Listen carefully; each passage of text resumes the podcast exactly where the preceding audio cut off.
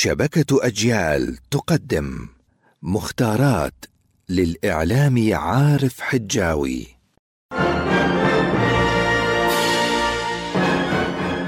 لا بد لنا من العلم ولا بد لهذا العلم من أن يأتينا محمولا على ظهر اللغة العربية.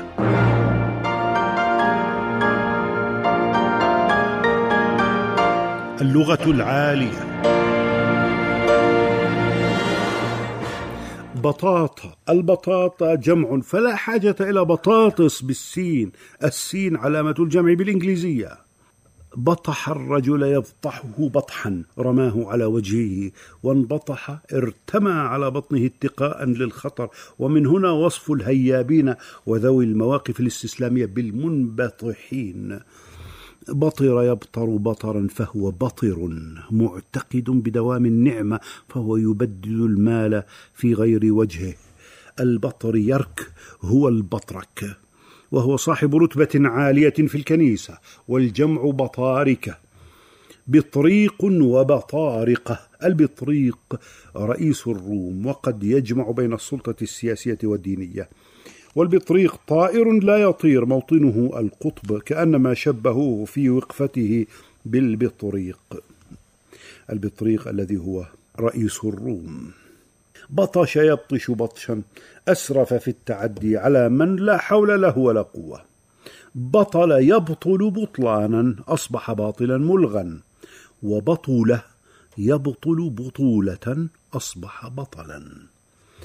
البطالة حالة التعطل عن العمل للشخص أو في البلد العمل من الباطن واستئجار بيت من الباطن تعامل مع جهة فرعية وكثيرا ما يكون بغير علم الجهة الأصلية. الاستبطان تعمق المرء في مراقبة وفهم ذاته، واستعملت حديثا لتعني تمثل المعرفة وهضمها. البطانية هي الدثار والحرام والجمع بطاطين.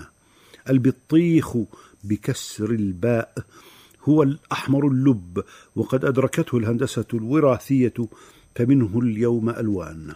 والشمام هو الأصفر. ولكل بلد عربي في البطيخ والشمام تسمياته. بعث يبعث بعثة وبعثات.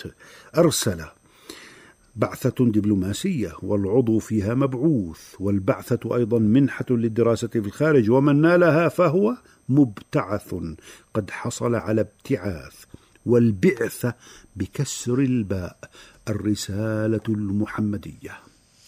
حكمة اليوم الإنسان شيء تخرج منه رائحة كريهة إذا أكل الثوم وإذا صح من النوم وإذا صام وإذا نام وإذا قام وإذا مات. وكلما شم رائحة قال أف السلام عليكم.